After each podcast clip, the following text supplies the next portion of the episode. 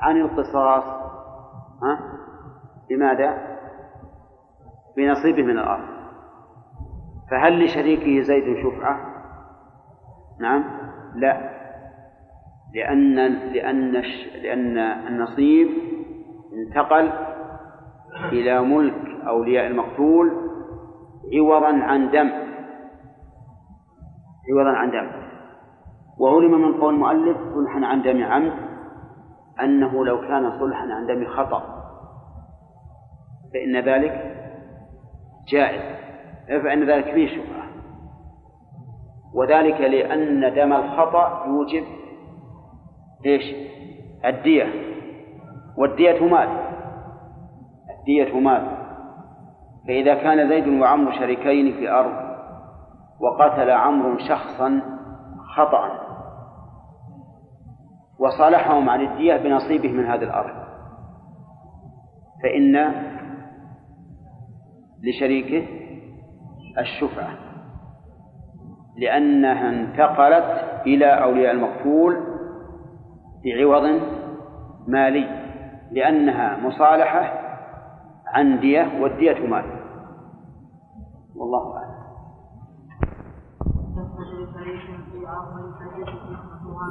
ويتبعها الغرق والبناء كالثمرة والزرع فلا تفعل فلا تفعل الدار وهي على القول والفعل فإذا لم يكن هائلا إلى عذر بطل وإن قال المشتري جاني أو صالح أو كذب أو كذب أو كذب أو كذب العسل أو طلب أخذ البعض سقطت بسم الله الرحمن الرحيم الحمد لله رب العالمين والصلاة والسلام على نبينا محمد وعلى آله وأصحابه أجمعين.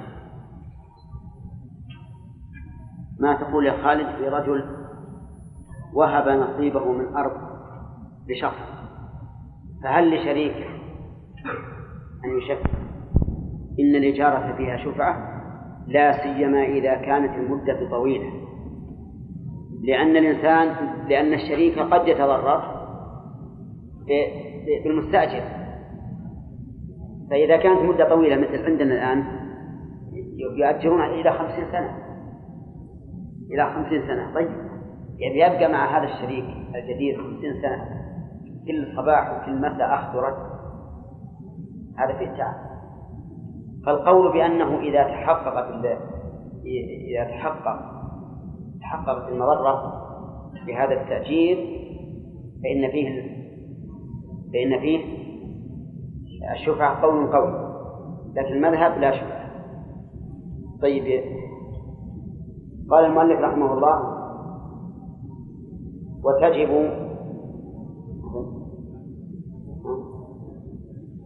لا لا. وتجب. أو يحرم التحيل. نعم. ويحرم التحيل لإسقاطها. يحرم على من عليه حق الشفعة أن يتحيل لإسقاط الشفعة. والدليل قول النبي صلى الله عليه وسلم إنما الأعمال بالنيات. هذا واحد. الدليل الثاني قول النبي صلى الله عليه وسلم قاتل الله اليهود. لما حرمت شحومها أذابوا الشحم ثم باعوه. فأكلوا ثمن. فتحيلوا عنه الحرب. الدليل الثالث قول النبي صلى الله عليه وسلم لا لا ترتكبوا ما ارتكبت اليهود. فتستحلوا محارم الله بأدنى الحيل. وهذا الحديث جوده شيخ الإسلام ابن تيمية. قال إن إسناده جيد. وأما التعليل فلأن في هذا التحيل إسقاطا لحق المسلم. والتحيل لإسقاط حق المسلمين حرام لأنه من باب العدوان عليهم ولأن فيه شبها بحال المنافقين الذين يتحيلون على على بقائهم كمسلمين مع أنهم من أكبر الناس. فإذا قال قائل كيف التحيل لإسقاط؟ الجواب أن له صورا كثيرة منها أن يظهر الشريك والمشتري أن الانتقال بغير عوض. من الانتقال بغير عوض. فيقول الشريك لشريكه إني قد وهبت فلانا نصيبي من الأرض. وإذا قال وهبت فهل في انتقالها بالهبة الشفعة؟ لا. إذا سوف يمتنع الشريك عن المطالبة بالشفعة لأنها انتقلت بغير عوض انتقلت بغير عوض أو تقول المرأة إني أعطيت نصيبي من هذه الأرض لزوجتي لزوجي عوضا عن كل. وهي كاذبة ما خلعت. هذا من باب التحيل لإسقاطها. لأنها انتقلت بعوض إيش؟ غير مال. الصورة الثالثة. أن يظهر أن يظهر البايع الذي هو الشريك والمشتري أن البيع بثمن كثير. مثل أن يبيعها بعشرة آلاف وهي لا تساوي إلا عشرة ويقول إنني بعتها بخمسين. فإن الشريك في هذه الحال لن يطالب بالشفعة لأنه إذا طالب بها سيأخذها بماذا؟ ها؟ بالثمن الذي استقر عليه العقد وهو يقول لا أريدها بخمسين ألف وهي لا تساوي إلا عشرة الصورة الرابعة أن يوقف المشتري النصيب فورا لأن المشتري إذا تصرف فيه تصرفا لا لا لا تثبت به الشفعة سقطت الشفعة. فهذا المشتري من حين ما اشتراه قال جعلته وقفا.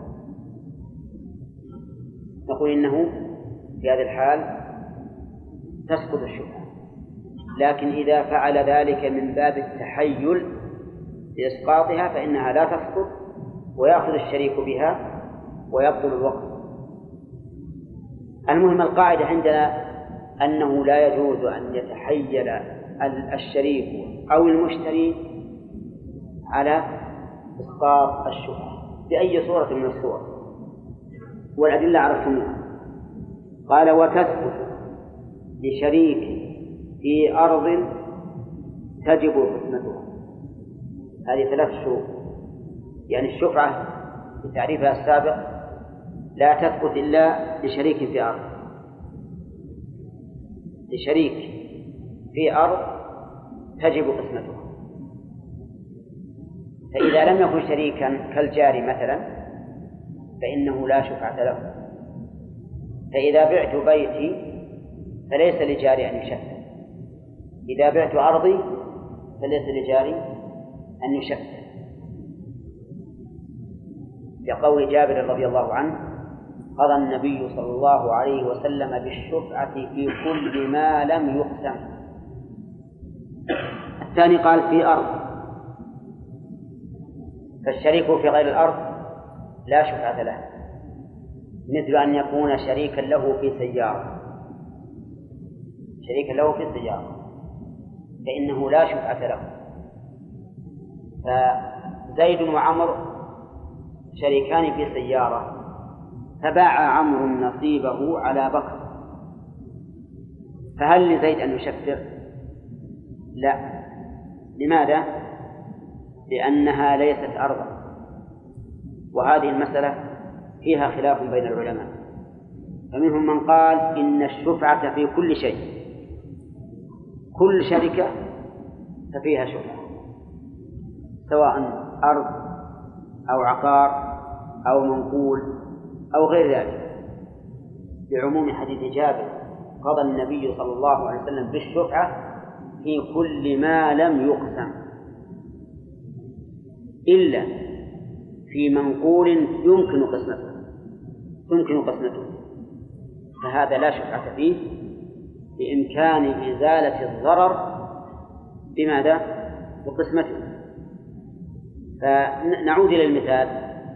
قلت زيد وعمرو شريكان في السيارة فباع عمرو نصيبه على بكر فليس لزيد أن يشفع لأنها ليست ليست والقول الثاني له أن يشفع بعموم حديث جابر. قضى النبي صلى الله عليه وسلم بالشفعة في كل ما لم يقسم ولأن المعنى الموجود في الأرض موجود في السيارة. بل قد يكون أشد. يأتي شريك إن قلت له سنؤجر السيارة؟ قال لا. إن قلت من أجل الرياض؟ قال لا. نبي نأجل المكة. إن قلت من أجل المكة؟ قال لا. نبي نأجل الشام للشام؟ قال نبي نأجل العراق. وأبقى أنا وإياه في نزاع إلى إلى إلى أن نبيع السيارة. إذا خرب منها شيء قلت بنصلحه حتى لا يزيد العيب. قال لا. خلوه يبقى لين نعم. كل ما قلت شيء يقول لا. هذا مشكلة هذا إشكال هذا يمكن أشد من إشكال الأرض. فالصحيح أنه يجوز أن أن الشفعة تثبت في هذا. أما إذا كان المنقول يمكن قسمته فلا شفعة مثل زيد وعمر شريكان في كيس من القمح. كيس من القمح أنصار. فباع عمرو نصيبه من هذا القمح على بكر. فليس لزيد أن يشفع. لماذا؟ لأن قسمته ممكنة نقول إذا كنت لا ترضى بهذا الشريك فاقسم لكن قد يقول إن القسمة ربما تنقص فيها القيمة. لأن الناس لا يرغبون مثل هذه السلعة إلا إذا كانت كاملة. يعني مثل أكثر الناس ما يشون نصف كيس رز أو نصف كيس قمح يريدون كيسا كاملا. فإذا قاسمت نقص نصيبه فربما في هذه الحال نقول لك الشبهة ما دامت القسمة يحصل بها ضرر عليك فلك, فلك القسمة. فلك الشبهة الشرط الثالث على كلام المؤلف تجب قسمتها. يعني أن قسمتها قسمة إجبار. تجب يعني معناها أن تجب قسمتها عند عند طلب الشريك. وهذه ما ما يسميها أهل العلم بقسمة الإجبار لأن قسمة الأراضي والعقارات نوعان نوع إجباري ونوع اختياري. فإذا كان في القسمة ضرر أو رد عوض فالقسمة اختيارية. وإذا لم يكن فيها ضرر فالقسمة إجبارية. واضح؟ طيب. مثال ذلك أرض كبيرة بين زيد وعمر طلب زيد من عمر أن يقاسمه إياها لينفرد بنصيبه هل يجاب لذلك أو لا؟ يجاب ويجبر الشريك ولا ما يجبر؟ يجبر لماذا؟ لأن قسمتها ليس فيها ضرر أرض واسعة متساوية لا تحتاج إلى دفع عوض ولا ولا تحتاج إلا إلى قسم فقط بالأمثال. فهذه القسمة فهذه قسمتها إجبار. إذا باع أحدهما نصيبه منها ثبتت الشبهة لصاحبه. لأن القسمة فيها ها قسمة إجبار. طيب. مثال آخر لما قسمته تراضي. زيد وعمر شركان في أرض. تصلح أن تكون بيتا فإذا قسمت لم تصلح أن تكون بيتا لأنها صغيرة. ما نوع القسمة في هذه؟ قسمة تراضي. إن رضي الطرفان بقسمتها فالحق لهما. وإن لم يرضيا فإنها لا تقسم وتباع إذا طلب أحدهما البيع ويقسم الثمن. طيب في هذا المثال باع أحد الشريكين نصيبه. فهل فيه شفعة؟ هذا كلام المؤلف ليس فيه شفعة ليس فيه شفعة لماذا؟ لأن الأرض لأن هذه الأرض لا تجب قسمتها. والمؤلف يقول إنما تجب إنما تثبت الشفعة في أرض تجب قسمتها. تصوروا الآن تصورا كاملا أيما أولى أن نقول إن الشفعة واجبة في هذه؟ أو في المثال الأول. لا إله إلا الله. تأملوا يا جماعة.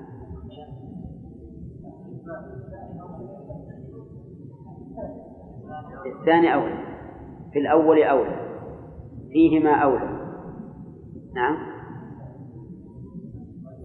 يا أخوان شو المثال؟ زيد وعمرو شريكان في أرض كبيرة واسعة يمكن قسمتها بلا ضرر.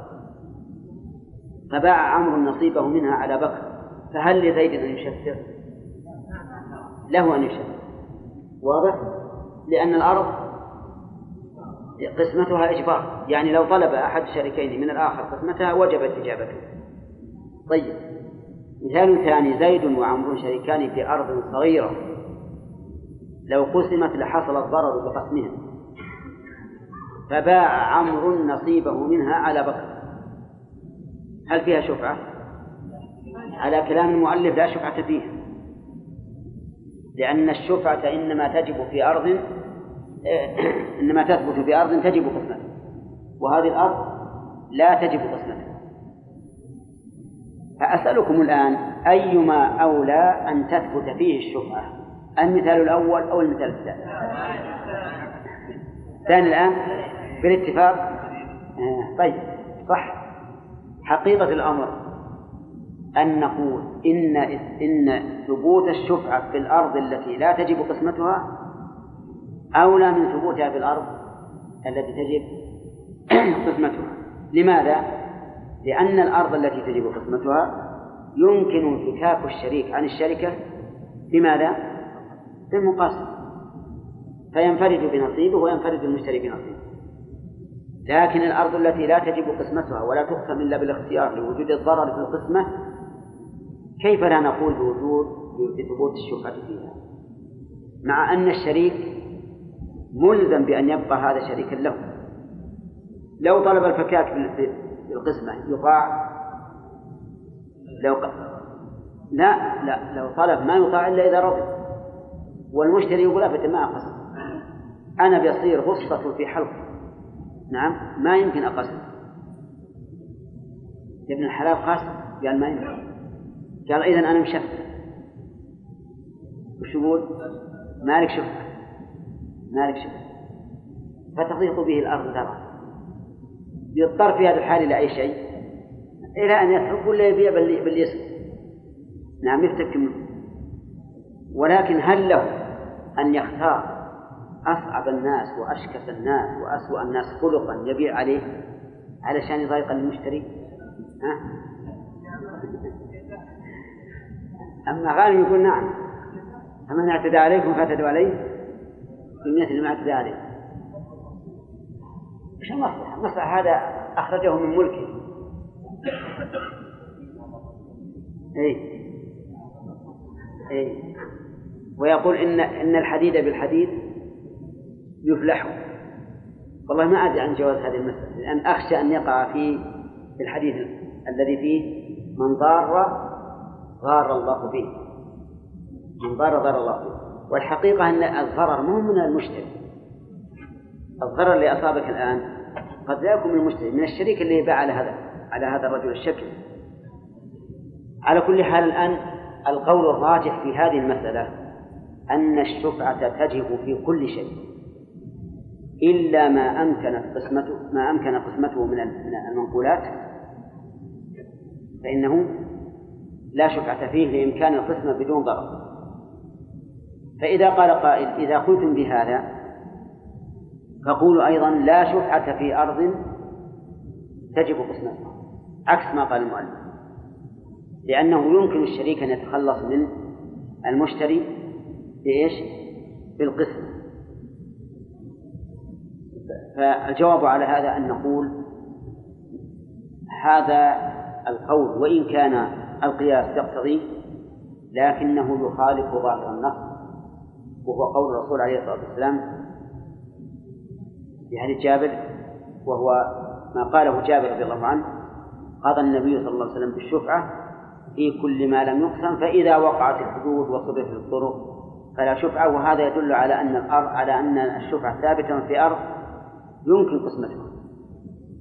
فالأولى إبقاء النص على عمومه. بخلاف المنقول فإن قسمته ممكنة وحتى لو بقي شريكا فإن مدته لا تطول لأنه سيفنى فإنه إما طعام يؤكل أو شيء يستعمل ويفنى. والله أعلم. والثوب والبعير. نعم؟ لو قال لك إنسان شريكان في في بعير باع أحد الشريكين نصيبه من البعير فللثاني أن يشفع لو قال قاسم ها؟ ما يمكن القاسم. نعم. فيه يذكر عن شخص أنه أعطى شخصا آخر عجلا وهو والشخص الآخر فلاح. وصاحب العجل يريد أن يكون هذا العجل عنده. حتى يكبر ويباع فقال خذ هذا العجل على النصف تقول للفلاح فأخذه الفلاح. وبعد مضي ساعة ساعتين جاء بنصف العجل مذبوحا. نصف اللحم. اندهش صاحب صاحب العجل. كيف أنا قلت يذبحه كانت على النصف. وهذا ما يمكن يقسم إلا بهذا الوجه. فأنا ذبحته وجبت نصف نعم. لكن على كل يعني هذه واقعة ما هي, ما هي مثلا واقعة. إلا أن الرجل الذي ذبح العجل كان ثريا فأعطاه قيمة العجل. أعطاه قيمة العجل كاملة مع نصفه الذي وصل إليه. على كل حال أنا أقول إن الذي لا تمكن قسمته من المنقولات فيه الشفعة والذي تمكن؟ نعم. لا نحتاج إلى الشفعة لأنه لا ضرر في القسم كما لو كان كيس من البر بين شخصين فباع أحد الشخصين نصيبه من هذا الكيس فإنه لا شفعة للثاني. لماذا؟ لأنه يمكن أن يقاسمه. كما أن صاحبه الذي باعه لو شاء أن يقول اقسم الكيس لا, لا, لا لوجب عليه أن يقسم. طيب قال المؤلف رحمه الله ويتبعها يعني يتبع الأرض. والدليل على أن الضمير يعود على الأرض قوله تجب لشريك في أرض. يتبعها أي الأرض الغراس والبناء.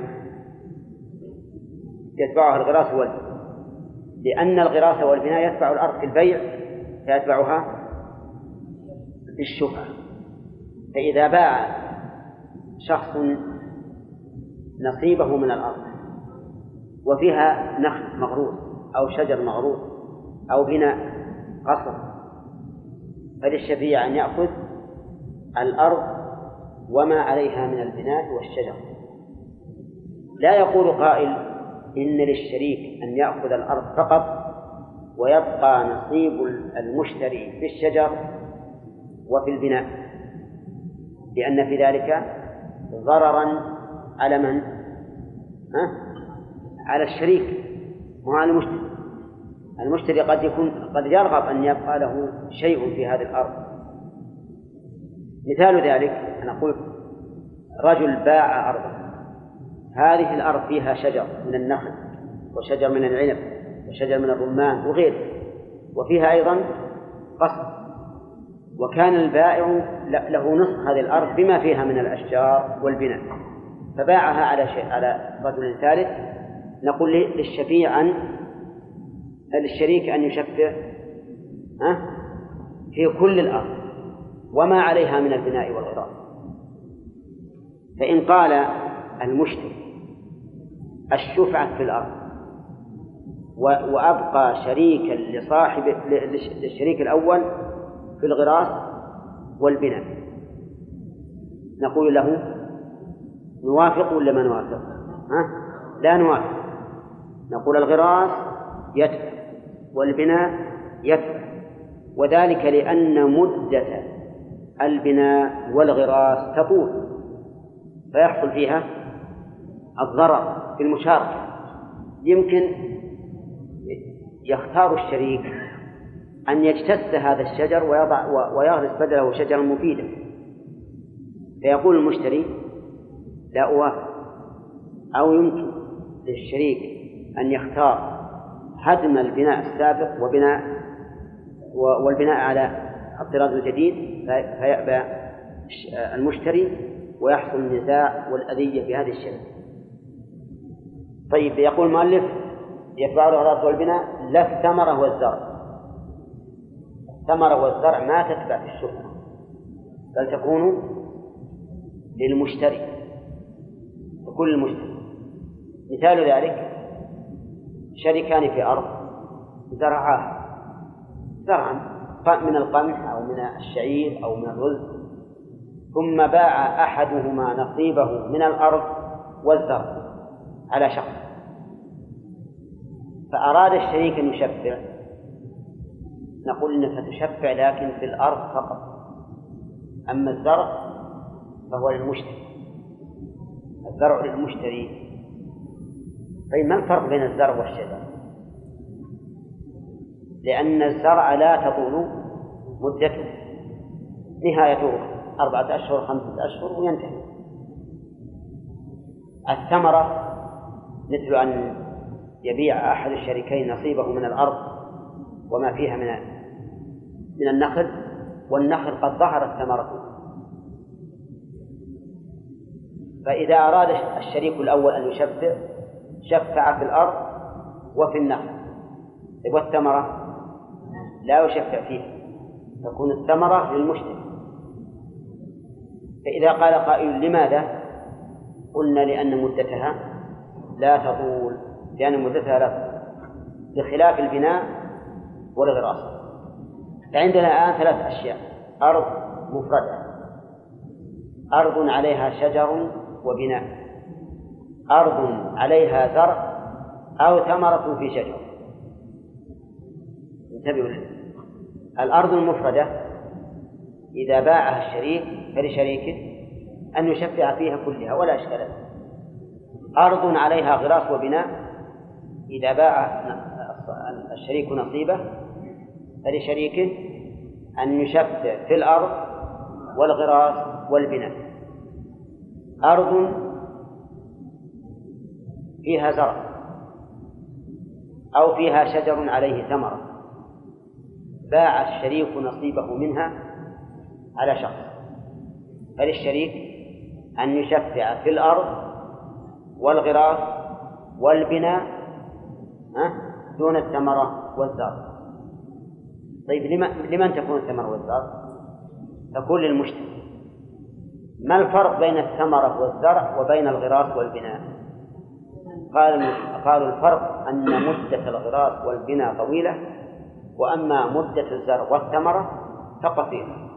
يعني إذا طالت تكون ستة أشهر أو ثمانية أشهر وهي مدة وجيزة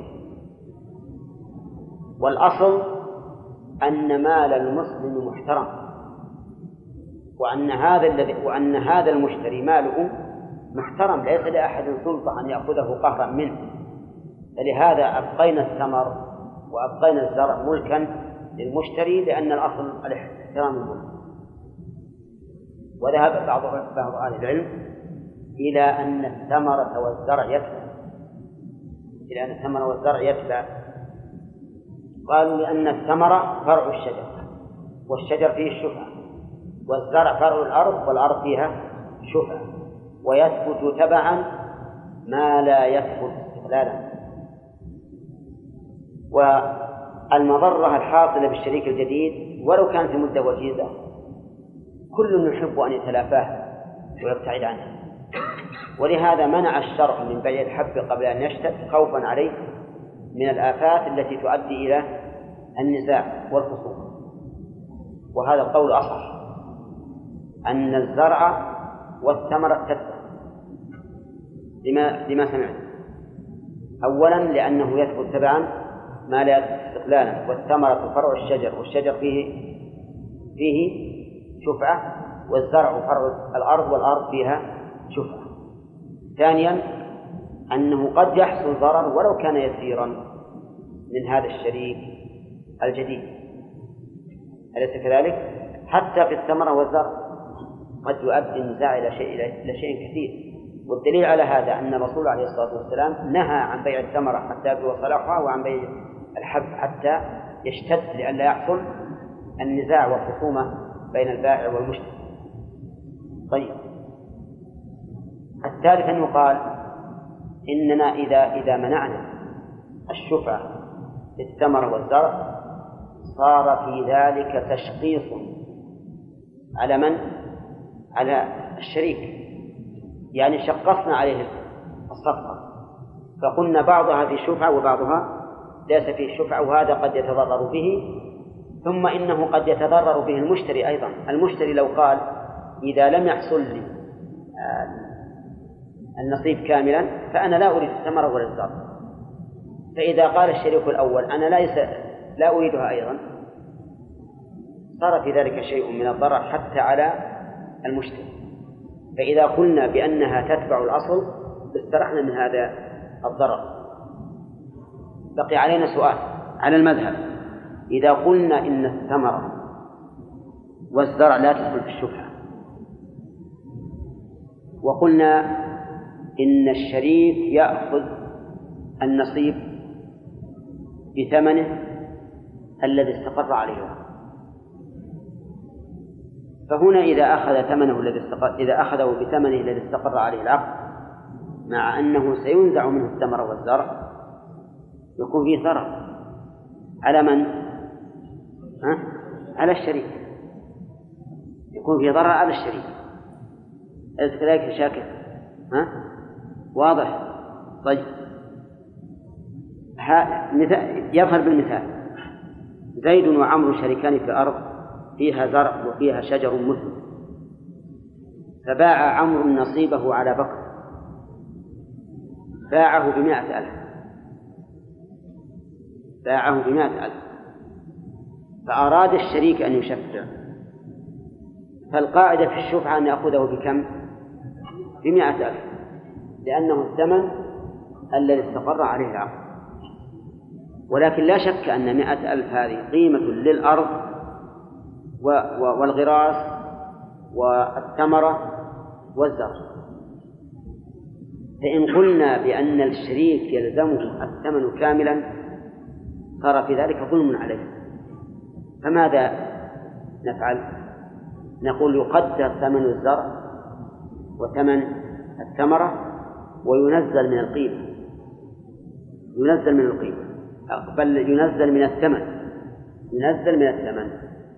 فإذا قالوا إذا إذا بيع هذا النصيب بمائة ألف ريال مع الثمرة والزرع وبدون الثمرة والزرع بتسعين ألف ريال. فبكم يأخذه الشريك؟ بتسعين ألف واضح؟ يأخذه بتسعين ألفا يعني أنه إذا أخذ الشريك بالشفعة يخصم من الثمن إيش؟ عشرة آلاف المثال لكن إذا أخذناها كقاعدة عامة يخصم من الثمن قيمة الزرع وقيمة الثمرة لئلا نظلم الشريك بإضافة شيء لم يحصل له بإضافة ثمن شيء لم يحصل واضح؟ ها؟ لا ثمن لأنه إذا إذا أخذ بكل الثمن فقد أضفنا عليه ثمن الزرع. نعم. طيب يقول المؤلف ويتبعها الغراس والبناء لا الزرع والثمر لا الثمرة لا الثمرة والزرع. طيب. قال فلا شفعة لجار. هذا محترز قوله. إيش؟ لشريك. فالفاء هنا للتفريع فلا شفعة لجار. سواء كان هذا الجار مشاركا لجاره في الطريق وفي مصالح الملك كالماء والسيل وما أشبه ذلك أم لم يكن مشاركا. لأن المؤلف قال لا شفعة لجار. كلمة جار نكرة في سياق النفي فتكون عامة. كل الجيران إذا باعوا فلا شفعة لجيرانهم. الدليل حديث جابر رضي الله عنه. قضى النبي صلى الله عليه وسلم بالشفعة في كل ما لم يقصد. والجار ما ليس بينه وبين جاره شركة لأن جاره منفصل منفرد. وعلى هذا فلا فلا شفعة للجار. وقال بعض أهل العلم بل للجار الشفعة. واستدلوا بقول النبي صلى الله عليه وسلم الجار أحق بصقبه. أحق بصقبه. أي بما بما جاوره. وعلى هذا فإذا باع الجار أرضه أو بيته فلجاره أن يشفع. بهذا الحديث.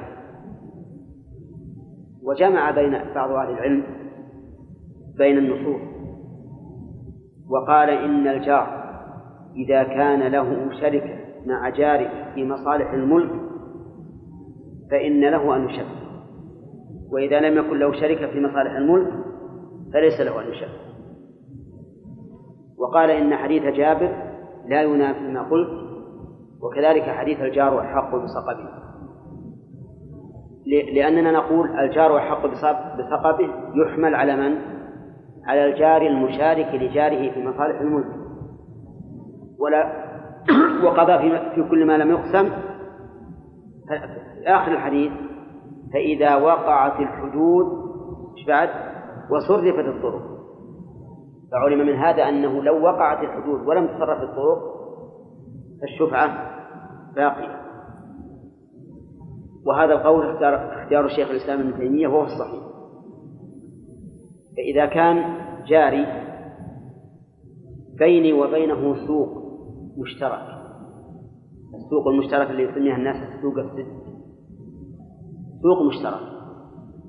وباع فلي أن أشرك وإذا كان جاري مشاركا لي في في الهاتف. يعني أنا وياه سلك الهاتف واحد. فهل نقول إن هذا من باب مصالح الملك؟ أو نقول هذا كالفراش وغيره؟ منفصل. الظاهر أنه منفصل لأن كان الانفصال. طيب الماء لو اشتركنا في الماء بأن كان البئر بيننا جميعا. كما يوجد فيما سبق يوجد بئر بين البيتين يدلي أصحاب البيت على هذا البئر بدلوهم وأصحاب البيت الآخر عليه بدلوهم. فيه شفعة ولا لا؟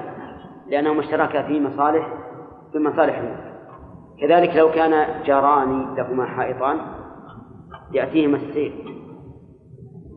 والسيل مشترك بينهما فلجاره أن يشفع وفي هذا الحديث وفي هذا القول جمع بين الأدلة.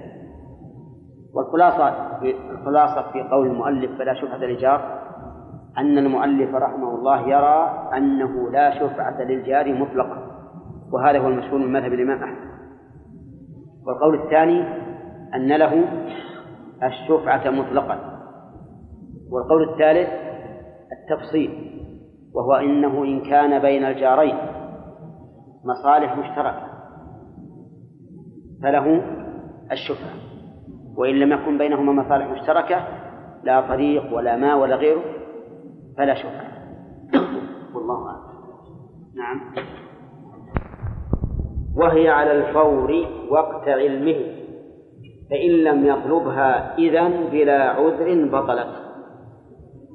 وهي أي الشفعة على الفور يعني حالا. تطلب وقت العلم. من يوم يعلم يطالب. من من الذي يطالب؟ الشريك الذي هو الشفيع. يعني يجب أن يطالب بالشفعة فورا ولا يؤخر. فإن كان يستطيع أن يذهب إلى صاحب إلى المشتري ويقول إني مشفع فعل وإلا اتصل به في في في عصرنا هذا. بماذا؟ بالهاتف وإلا أبرق له برقيا وإن لم يمكن ذلك وكان المشتري غائبا أشهد أشهد قال أشهد شاهدين بأنه مطالب بالشفعة مشفع طيب والدليل؟ الدليل قوله أو ما يروى عن النبي صلى الله عليه وسلم أنه قال الشفعة لمن واثبها الشفعة كحل كحل العقاب. وهذان الحديثان ضعيفان جدا. وإلا فلو لو ثبت لكان فيهما دليل على أنه تجب المبادرة بطلب الشفاعة قالوا ولنا تعليل أيضا وهو أن تأخير الطلب يضر بمن؟ بالمشتري لأنه ربما يؤخر حتى يبث ذلك في, الأرض ويعمل. نعم فيكون في تأخير الطلب ضرر. قال المؤلف فإن لم ي... وقت علمه فإن لم يطلبها إذن بلا عذر بطلت. وعلم من قول بلا عذر أنه لو أخرها لعذر فلا بأس. لو علم وهو جالس على الأكل. فحدثه الذين معه في الأكل بأن شريكه باع على فلان. لا يلزمه أن يقوم من الأكل ليذهب إليه ويقول أنا مشهد لا يلزمه. لأن هذا عذر. أو أخبر وهو يصلي بأن شريكك باع. فلا يلزمه أن يقطع الصلاة ليذهب أو أخبر وهو نائم. على فراشه. نعم. فلا يلزمه أن يقوم من فراشه ليخبر المشتري بأنه مطالب لأن لأن هذا عذر. لكن إن إن كان له عذر وأخبر أخبر مثلا في الصباح فقال إن شاء الله العصر أذهب إليه وأقول يقولون إن الشفعة تبقى لأنه لا بد أن يطالب بها فور علمه. وما ذهب إليه المؤلف كما رأيتم مبني على دليل ضعيف وعلى تعليل يمكن التسليم به. ولهذا كان القول الراجح أن الشفعة كغيرها من الحقوق لا تسقط إلا بما يدل على سقوطها بقول صريح أو قرينة ظاهرة. انتبه. القول الصريح أن يقول لما بلغه أن شريكه قد باع يقول الله يرزق المشتري أنا لست لست بمطالب بالشفعة ما دام فلان ما دام فلان هو المشتري فإنني لن أطالبه بالشفعة هذا إسقاط لله بلفظ صريح. أو بقرينة ظاهرة. بأن يسكت ويرى أن المشتري قد تصرف وعمل وهو ساكت فإن هذا قرينة ظاهرة تدل على أنه راض. أما كون يأتيه الخبر اليوم ويؤجل الطلب إلى الغد لينظر في أمره. وهل عنده دراهم يوفي بها أو ليس عنده؟ وهل من المصلحة أن يأخذ الشفعة أو ليس من أو ليس من المصلحة؟ أو ينظر ليشاور ذوي الرأي فإن هذا لا يسقط حقه لأن هذا أمر قد يكون لا بد منه. فإذا أخبر مثل بأن شريكه باع نصيبه من الشيء المشترك بمئة ألف. وقال بشوف إن حصلت مئة ألف من إخواني قرضا أو بعت سيارتي مثلا وأخذت بالشفعة حصل حصل نعم أو بيع سيارتي وحصلت الثمن فأنا سآخذ بالشفعة وإلا فلا أستطيع هل نقول إن مثل هذا يسقط حقه؟ الجواب لا على القول الراجح لا أما على المذهب فإنه يسقط حقه ولكن لا بد على القول الراجح من أن يطلب بها في وقت لا يتضرر فيه المشتري بالتأخير. فإن سكت قال أبا أشوف أبا جل أبا أعرض النصيب للبيع. فإن ربح فأنا آخذ بالشبهة وإن لم يربح لم آخذ. فإنه لا يمكن من هذا فهمتم المثال هذا ولا لا؟ ها؟ يعني الشفيع الشريك لما أخبر أن صاحبه أن شريكه باع على شخص بمئة ألف ريال قال بروح أشوف أعرضه على الناس إذا قالوا نأخذه بمئة بمئة ألف وعشرة آلاف أخذت بالشفعة وإن لم. وإن لم يربحني فأنا لا أخذ فإننا نقول في هذه الحال تسقط شفعته لأن الرجل تصرف تصرفا يضر بالمجتمع أما إذا كان على الأمر الأول الذي قلت لكم أن الرجل يشاور يبي يستخير يبي ينظر هل يحصل على الثمن أو لا فهذا لا لا يصح حقه طيب قال المؤلف وإن قال للمشتري بعني أو صالحني أو كذب العدل أو طلب أخذ البعض سقط. وإن قال من؟ الشفيع. قال للمشتري بعني سقطت الشبهة مثاله لما علم أن شريكه باع على زيد. ذهب إلى زيد وقال سمعت أن شريكي باع عليك بع عليه.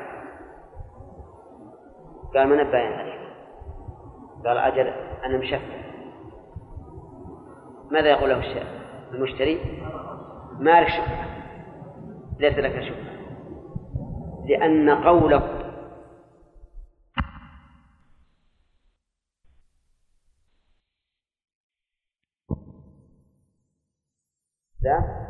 على أنه لا لا نية له بالتشفيع لكن لما أبى أن يبيع عليه قال أنا مطالب بالشفعة أو قال صالح ذهب الشريك إلى المشتري وقال سمعت أن شريكي باع علي. فأنا أريد أن أشفع وإلا صالح. يعني مثلا أعطني فلوس ولا أشفع. قال قال المؤلف تسقط الشفعة لماذا؟ لأنه لأنها على الفور. على الفور.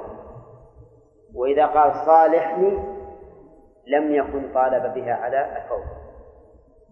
أو كذب العدل. كذب العدل. وش معنى كذب العدل؟ يعني أخبره شخص عدل. قال إن شريكك قد باع على فلان. قال تكفي ما باع عليه شريكي ما عنده نية للبيع. لو كان عنده نية للبيع لعرض عليه قبل كل الناس. والرجل الذي أخبره عدل ثقة. فإن شفعته تسقط وظاهر كلام المؤلف ولو ظن أنه يمزح عليه. أنه يمزح. لأن الواجب عليه أن يتأنى طيب فإن كذب الكاذب أو الكذوب ها؟ يعني جاء إنسان معروف بالكذب قال إن شريكك باع على فلان فقال كذبت ها؟ ليش؟ لأنه ليس بعد متهم بكلامه طيب وإن كذب الفاسق ها؟ فمثله لأن الفاسق لا يلزم قبول خبره وقول الله تعالى يا أيها الذين آمنوا إن جاءكم فاسق بنبأ فتبينوا أن تصيبوا قوما بجهالة إذا إذا كذب العدل سقط. ولكن إن ظن أنه يقول ذلك مزحا فالظاهر أنها لا تصح. ولكن لا يمكن أن يظن أنه يقول مزحا مزحا إلا إذا كان هناك قرينة. إذا كان هناك قرينة.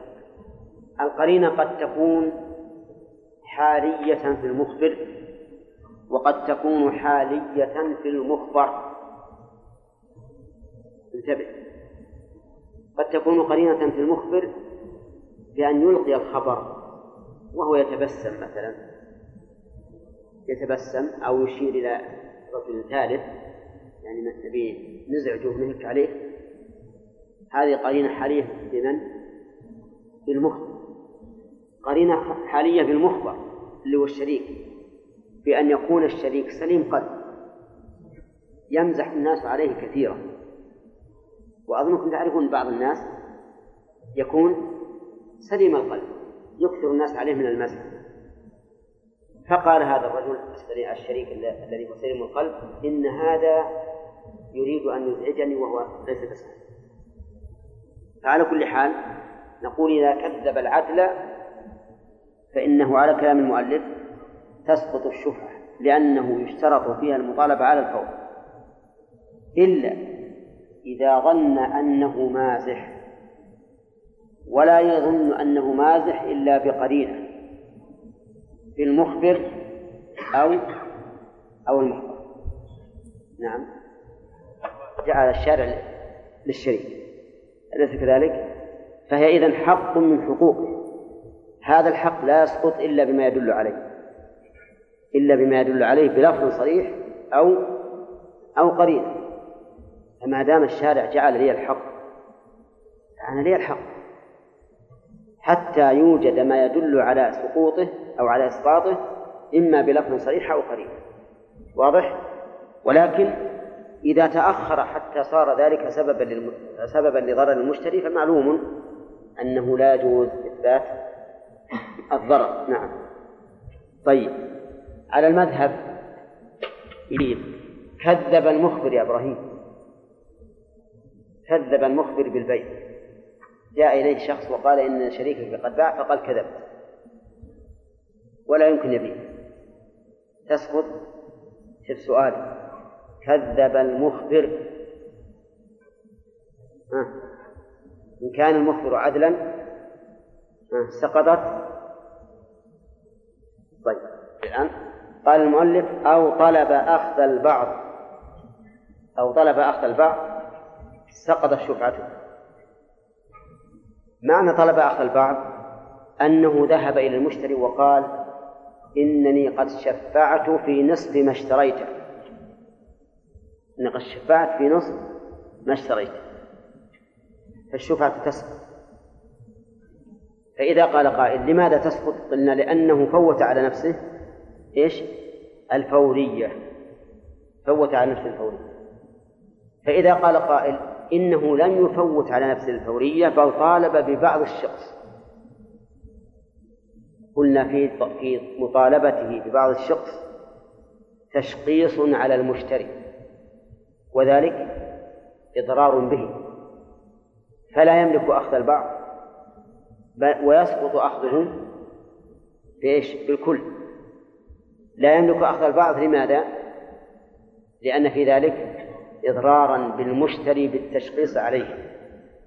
ولا يملك أخذ الكل لأنه لم يبادر بطلب الشفعة. لم يبادر بطلب الشفعة. فتسقط الشفعة حينئذ. طيب فإذا قال قائل إذا قال الشفيع أنا ليس عندي إلا ثمن نصف المبيع إذا قال الشفيع يعني الشريك ليس عندي إلا نصف ثمن المبيع وأنتم تطالبونني بجميع الثمن. فالجواب إذن لا تطالب. ها بالشفعة ما دام الثمن ليس عندك فلا تطالب. دعها ودع المشتري على شرائه. نعم السؤال بعدين صالح. قال المؤلف والشفعة لاثنين بقدر حقيهما. عندكم حقيهما ولا حقهما؟ حقيهما. نعم. الشفعة الاثنين بقدر حقيهما فالشركة إذن لا تقل عن ثلاثة. ولنفرض أنهم أن الشركاء أربعة. أن الشركاء أربعة. شريك له النصف. وشريك له الثلث نفرضهم ثلاثة شريك له النصف وشريك له الثلث وشريك له السدس. فباع صاحب السدس نصيبه على شخص. نقول للاثنين الباقيين الشفعة بقدر حقيهما. كم يكون لصاحب النصف؟ لا ثلاثة أخماس. ثلاثة أخماس السدس. ولصاحب الثلث خمساه لصاحب السدس خمساه لأن المسألة واضح الآن؟ المسألة من ستة. الملك الآن بين ثلاثة. لأحدهم النصف. وللآخر الثلث وللثالث السدس. فكم المسألة؟ من كم؟ من ستة. لصاحب النصف ثلاثة. ولصاحب الثلث اثنان. ولصاحب السدس واحد. فباع صاحب السدس. كم بقي؟ بقي خمسة. ولا لا؟ السهم السادس راح.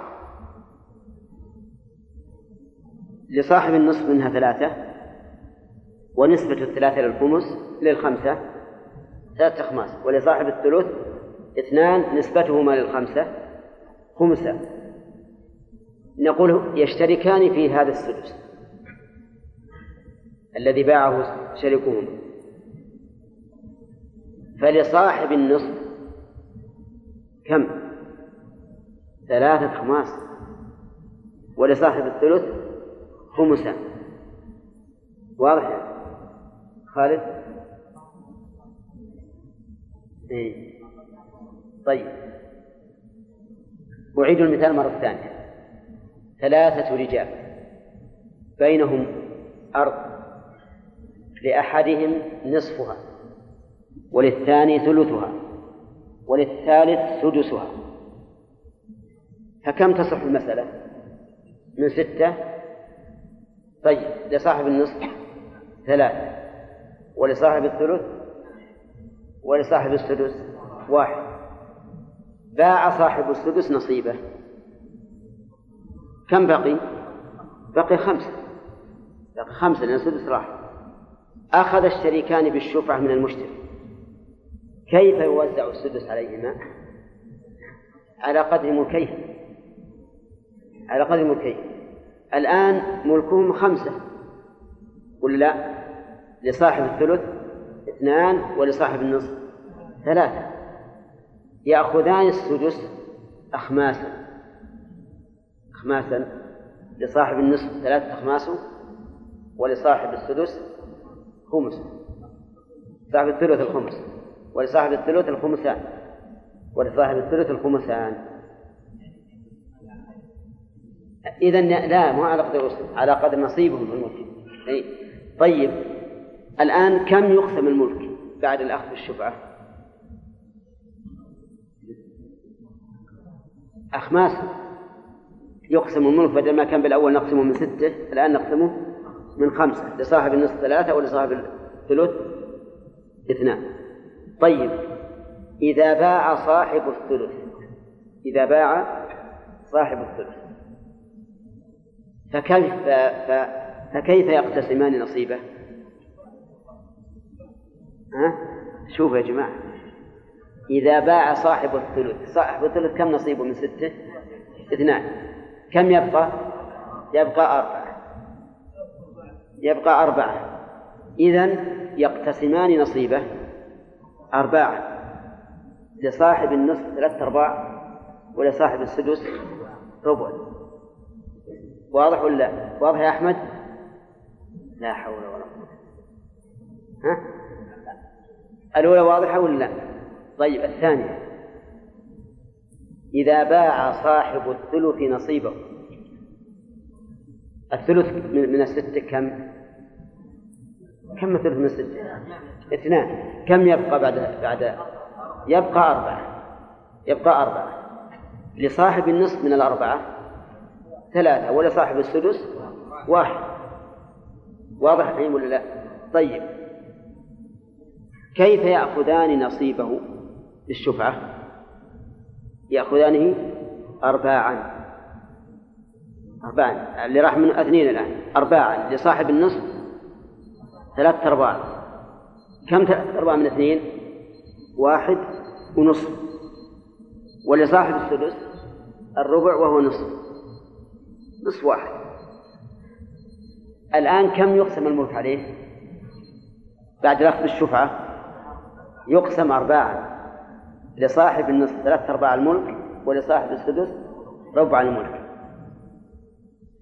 واضحة طيب إذا باع صاحب النصف إذا باع صاحب النصف نصيبا كم بقي معنا؟ ثلاثة كيف يأخذان نصيبه؟ الثلاثة لصاحب السدس الثلث ولصاحب الثلث الثلثان فيقسم الملك الآن على على ثلاثة. لصاحب الثلث اثنان ولصاحب السدس واحد. واضح ولا غير واضح؟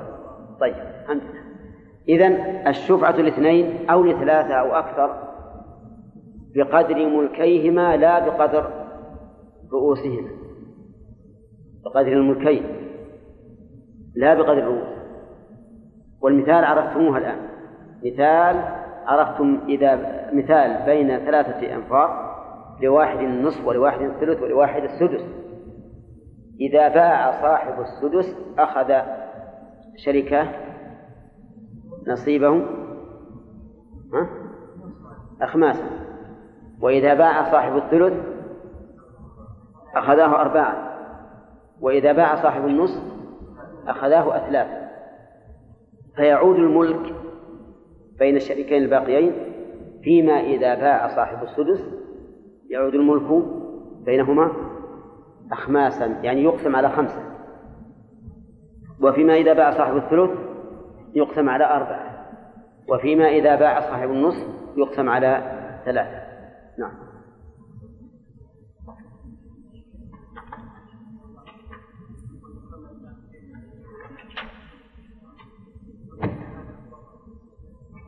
نعم.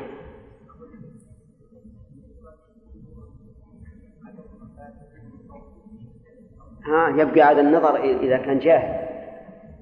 يبقى النظر إذا كان جاهلا. هل يعذر بالجهل؟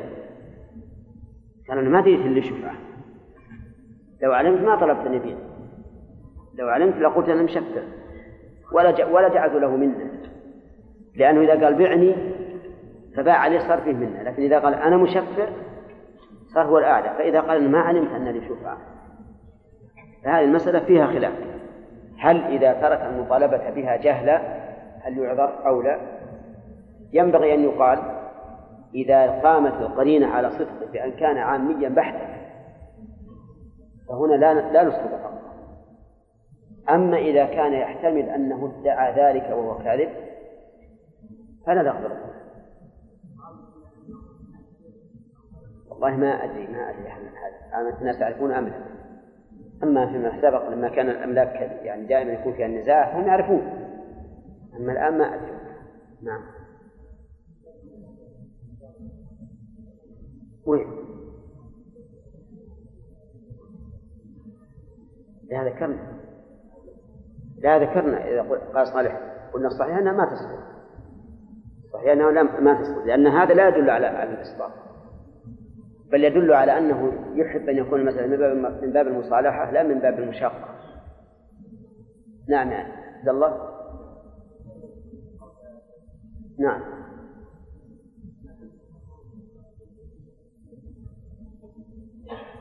في مرت عليه.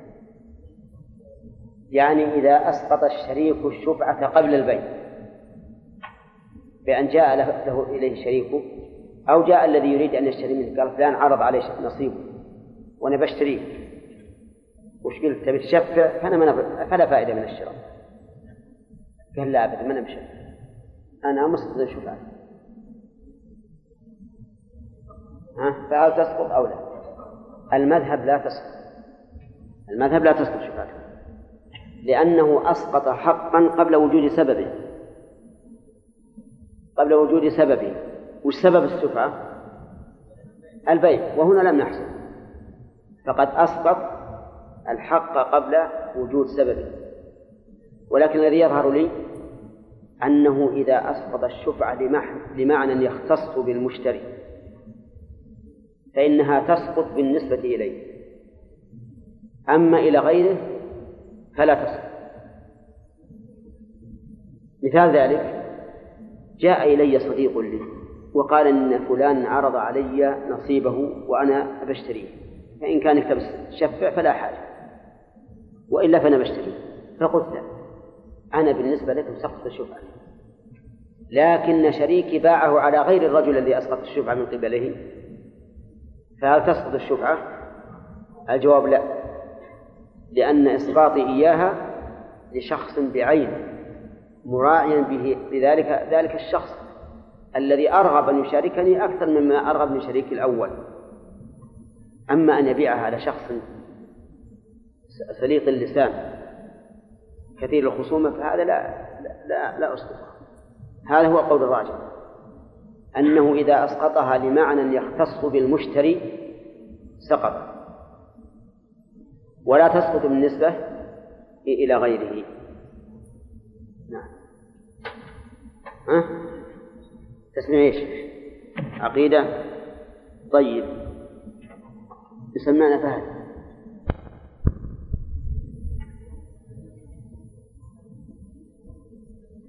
والشفعة الاثنين بقدر حقيهما قبله طيب وإن قال المشتري بعني أو صالحني أو كذب العدل أو طلب أخذ البعض سقطت مثال طلب أخذ البعض يا شاكر. ولهذا تقسم على قدر الملك لا على قدر رؤوس المالكين. هنا اي لا اصل لأن إذا قلنا من حقوق الملاك صار المالك هو يستحق يستحق لأنه مالك. لا لأن ملكه كذا. وسيأتينا إن شاء الله في آخر كلام المؤلف آه، ما يوضح ذلك. قال المؤلف رحمه الله تعالى فإن عفا أحدهما أخذ الآخر الكل أو ترك. هذه مشكلة. إذا عفا أحدهما أخذ الآخر الكل أو ترك. مثال ذلك الملك الذي بين ثلاثة لأحدهم النصف لأحدهم النصف وللثاني الثلث وللثالث السدس. باع صاحب النصف باع صاحب النصف يكون لشريكيه الشفعة على قدر على قدر ملكيه كم لصاحب الثلث من السهم المبيع؟ واحد. لصاحب الثلث لصاحب السدس واحد. نعم لصاحب السدس واحد ولصاحب الثلث اثنان. صاحب الثلث قال لا أريد الشفعة مرحبا بالشريك الجديد ولا أريد أن أشفع عليه. صاحب السدس قال أنا أريد الشفعة أنا أريد الشفعة فهل لصاحب الثلث أن يشفع بقدر نصيبه فقط؟ أو نقول له إما أن تأخذ الكل وإما أن تدع الكل. يقول المؤلف يقال له إما أن تأخذ الكل وإما أن تدع الكل. فإذا قال أنا ليس لي إلا الثلث الآن؟ قلنا له لو أعطيناك الثلث المبيع فقط لحصل في ذلك ضرر على البائع. كيف ضرر البائع؟ على المشتري إذا حصل في ذلك ضرر على المشتري. كيف ذلك؟ لأن المشتري الآن يتشقص عليه النصيب. بدل ما كان عنده ثلاثة سيبقى عنده اثنان فقط. وهذا قد يضر به. قد تكون دراهمه مثلا عوضا عن وقت المبيت وقد هو وقد يختار هو نصف الملك. وإذا صار له أقل من ذلك لا يريده المهم أننا نقول لصاحب السدس إما أن تأخذ بالجميع وإما أن تدع الجميع. والعلة الإضرار على المشتري بتشخيص النصيب عليه. وقد قال النبي عليه الصلاة والسلام لا ضرر ولا ضرار. فإذا أخذ بالكل كم يكون نصيبه من الملك؟ لا أربعة. يكون نصيبه من الملك أربعة. ونصيب الآخر الذي لم يشفع اثنين. إذا فيصير نصيب المشفع أربعة ونصيب الغير المشفع اثنين. المهم أن الاشتراك في استحقاق الشفعة اشتراك تزاحم. ومعنى اشتراك تزاحم أنه إذا عفى أحدهم فإنه يتوفر نصيب العافي على الباقي. وليس اشتراك ملك لأننا لو قلنا أنه اشتراك ملك لكان إذا عفى أحدهما بقي نصيبه غير مشفع فيه ولا ملزم فيه بقية الشركاء. لأنه اشتراك ملك لاشتراك تزاحم والعلماء يفرقون بين اشتراك التزاحم وبين اشتراك الموت. اشتراك التزاحم إذا اجتمع المتزاحمون ولو كانوا مئة فحقهم لا يزيد عن حق الواحد منهم ومن أبرز الأمثلة له اشتراك العصبة في التأصيل. اشتراك العصبة في التأصيل. إذا هلك هالك عن بنت وأخ شقيق كم نصيبه؟ إيه كم؟ النصف. للبنت النصف وللأخ الباقي وهو النصف. إذا كانوا أخوين له الربع يكون له الربع هنا عندنا المثال الآن. بنت وأخ شقيق. الأخ الشقيق له النصف. إذا كان معه أخ شقيق آخر فله الربع شقيق ثالث. السدس يا إخوان. شقيق الرابع. الثمن. وهكذا كلما زادوا نقص. كلما زاد عدد الإخوة نقص نصيبه. إذا كانوا مئة له واحد من مئتين. له واحد من مئتين. صح ولا لا؟ بينما كان في الأول له مئة من مئتين. إذا كانوا واحدا فله مئة من مئتين وإذا كانوا مئة فله واحد من مئتين. يعني أن نصيبهم لا يزيد بزيادته لأن اشتراكهم اشتراك تزاحم. طيب وإذا نقصوا؟ لو كانوا بالأول مئة الإخوة رجل له بنت مئة أخ. ماتوا هؤلاء الإخوة واحدا بعد واحد حتى لم يبقى إلا خمسة. فما نصيبه نصيب الخمسة بعد نصيب البنت؟ يزيد.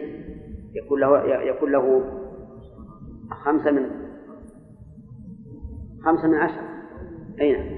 عشرين من مئة. بل عشرين من مئتين.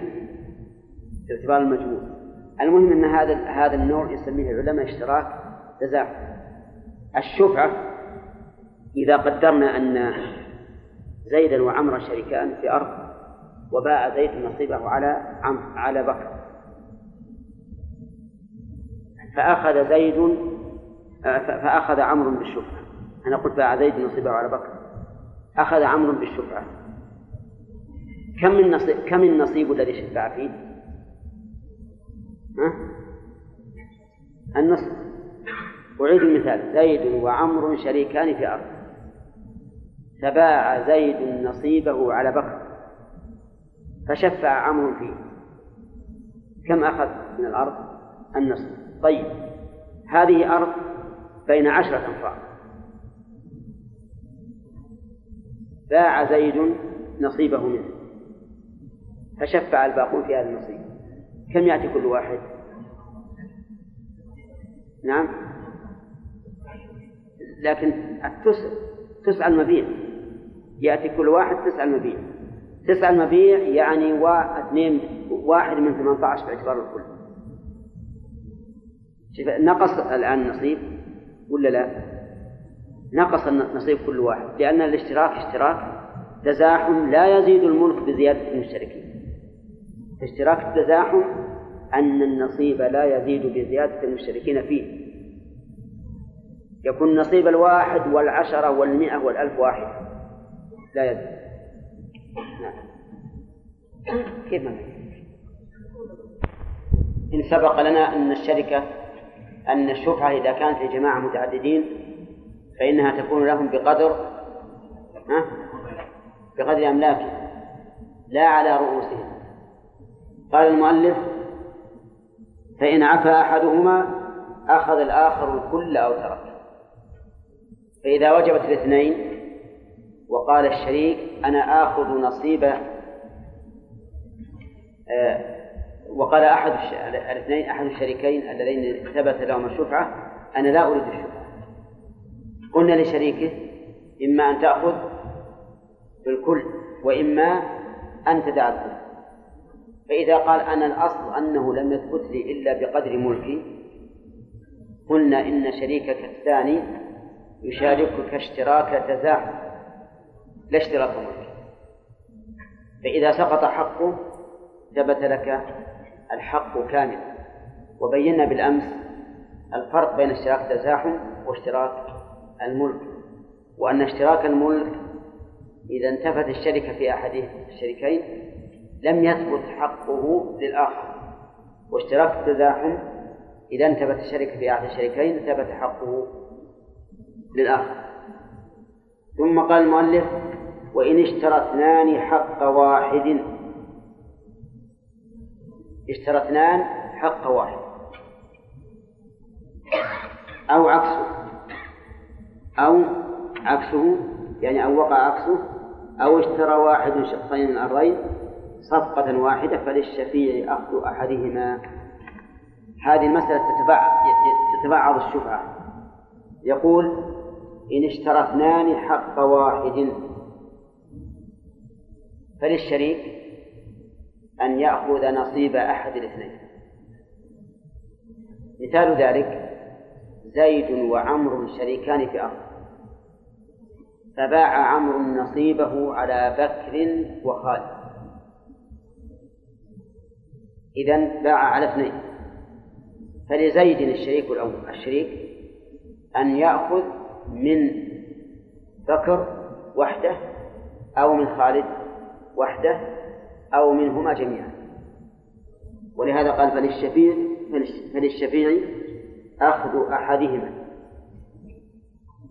اطمئن لماذا؟ لأن التشخيص هنا ليس فيه ضرر على أحد. التشخيص هنا ليس فيه ضرر على أحد. إذ أن أحد المشتريين قد عرف أن أن له نصف المبيع فإذا أخذ الشفيع نصيب أحد الشريكين المشتريين لم يكن على الآخر ضرر. لأنه من الأصل لم يملك إلا نصفه مثال هذا ما أسلفناه سابقا. زيد وعمر شريكان في أرض لزيد الثلث ولعمر الثلثان. كم تقسم عليه؟ على ثلاث لزيد واحد ولعمر اثنان. باع عمرو نصيبه على بكر وخالد. فصار لخالد لبكر. واحد ولخالد واحد. إذا الملك أثلاث الآن. ثلث لزيد وهو الشريك الأول وثلث لبكر وثلث لخالد. كذا ولا لا؟ زيد له أن يأخذ من خالد دون بكر. وإذا أخذ من خالد دون بكر هل يتضرر بكر؟ لا. وله أن يأخذ من بكر دون خالد. وإذا أخذ من بكر دون خالد لم يتضرر خالد. وله أن يأخذ منهما جميعا. لأن نصيبه باع باع شركته فأخذها بالشبهة وله أن يدعهما جميعا. فتكون الصور أربع صور. نعم. طيب ثانيا أيضا أو عكسه بأن اشترى واحد حق اثنين. فللشفيع أخذ أحدهما لأن تعدد البائع كتعدد المشتري.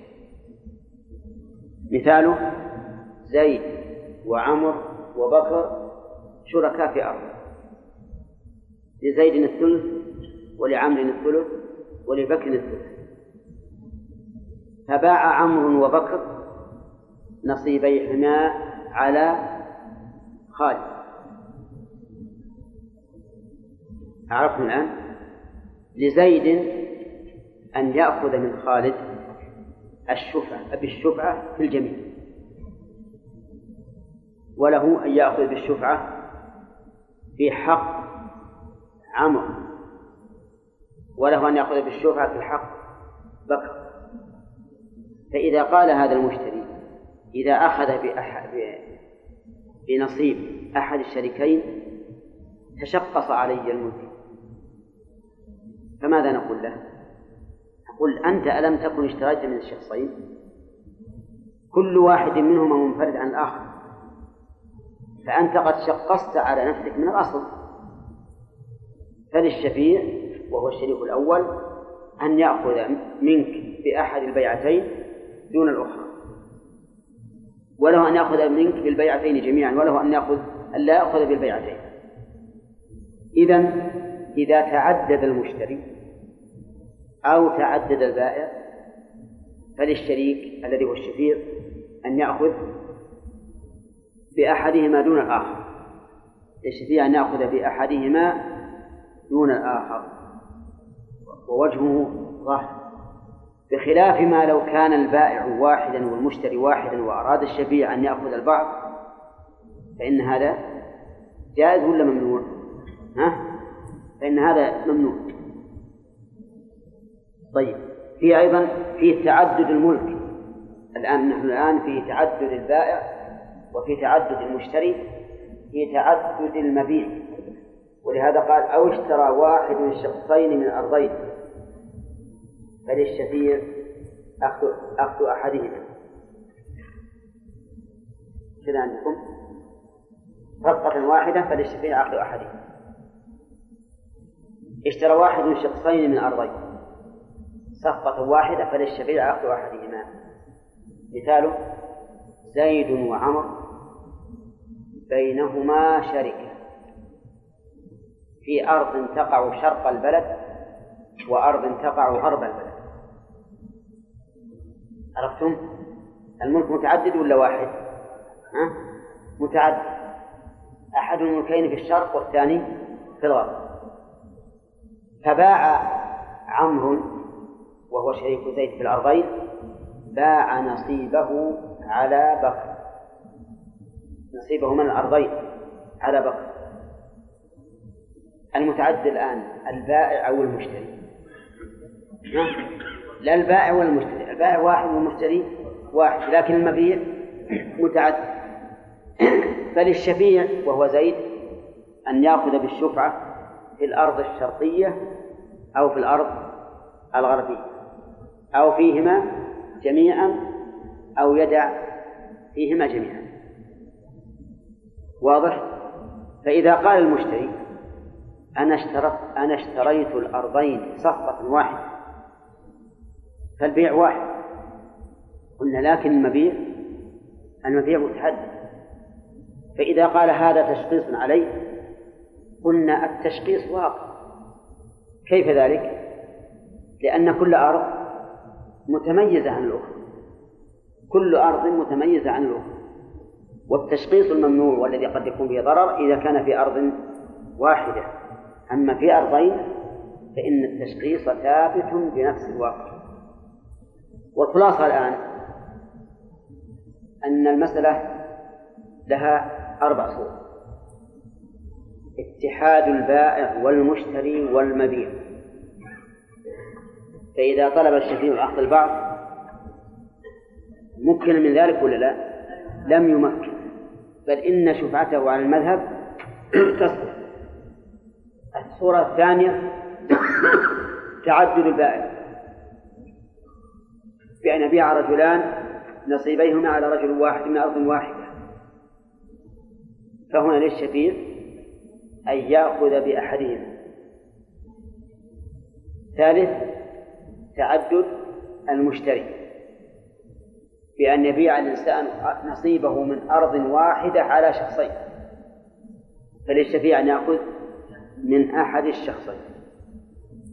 الرابع تعدد المبيع بأن يكون للشريك شركة في أرضين فيبيعه فيبيع شركته في الأرضين على شخص واحد صفقة واحدة. فللشفيع الأخذ بالشفعة في أحد الأرضين. الصورة واضحة الآن. ما هي الصورة التي يمتنع فيها أخذ البعض مع اتحاد البائع والمشتري والمبيع. يعني إذا كان المشتري واحدا والبائع واحدا والمبيع واحدا فهنا لا يمكن أن يتبعض الأخذ بالشفعة. فإن تعدد البائع أو المشتري أو المبيع فللشفيع أن يأخذ بواحد من هذا المتعدد. قال فللشفيع أخذ أحدهما. وإن باع شقصا وسيفا. فللشفيع أخذ الشقص بحصته من الثمن شقصا وسيفا. هذا على سبيل التعيين أو سبيل التمثيل. التمثيل يعني ومثله لو باع شخصا وسيارة. فللشفيع أخذ الشخص بحصته من الثمن مثال ذلك زيد وعمر شريكان في أرض. فباع عمرو نصيبه من هذه الأرض وسيارته على بكر بمئة ألف. باع النصيب والسيارة. فأراد زيد أن يشفع. هل يشفع في, الم... في كل ما وقع عليه العقد من الأرض والسيارة؟ لا. لماذا؟ لا. لا.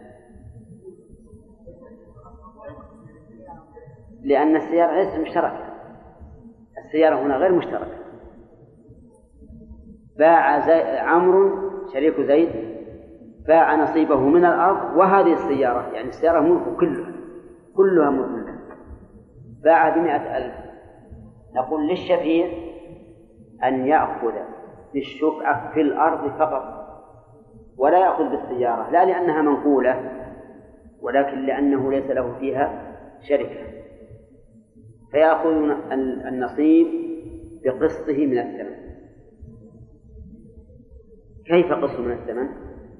نقول تقوم الأرض وتقوم السيارة فإذا قالوا الأرض تساوي مئة مئة ألف والسيارة تساوي عشرين ألف السيارة تساوي عشرين ألفا فبكم يأخذ النصيب؟ لا لا. الأرض تساوي مئة والسيارة تساوي خمسين. خلنا نزود عليه السيارة من السيارات الفخمة تساوي خمسين. فأخذ نصيبه فأخذ الأرض بالشفعة. ف... فبكم يأخذها؟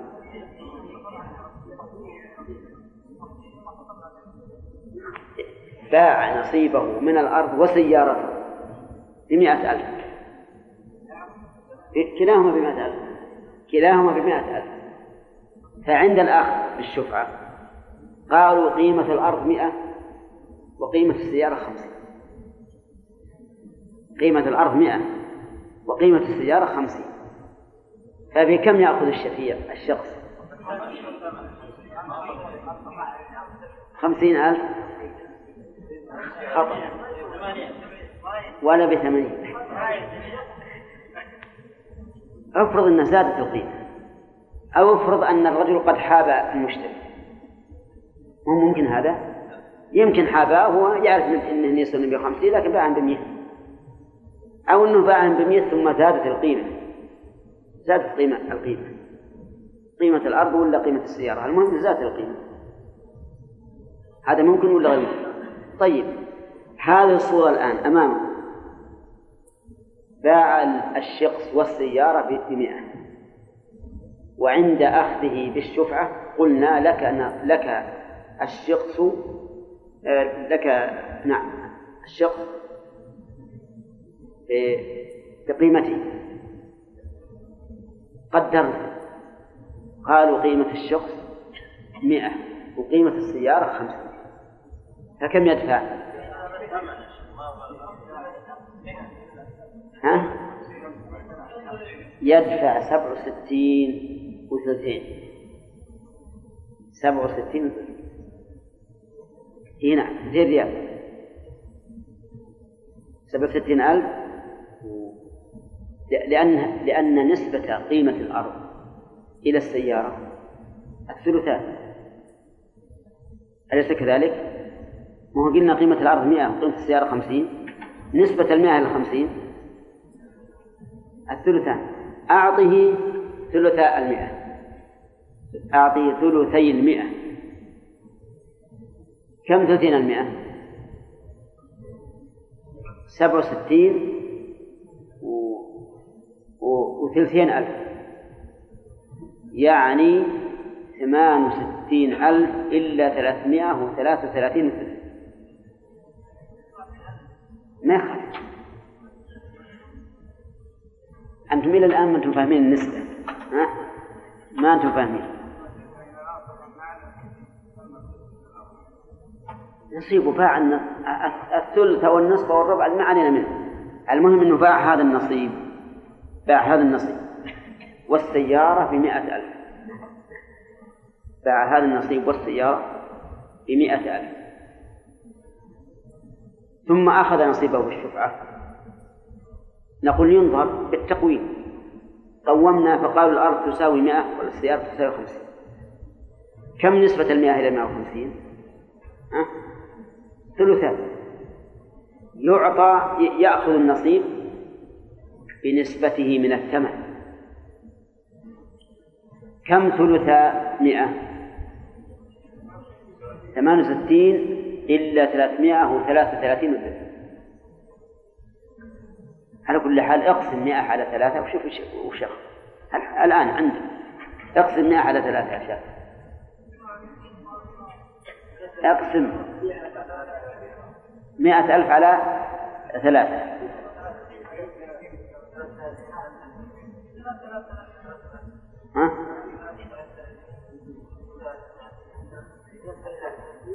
ثلاثة وثلاثين وكم؟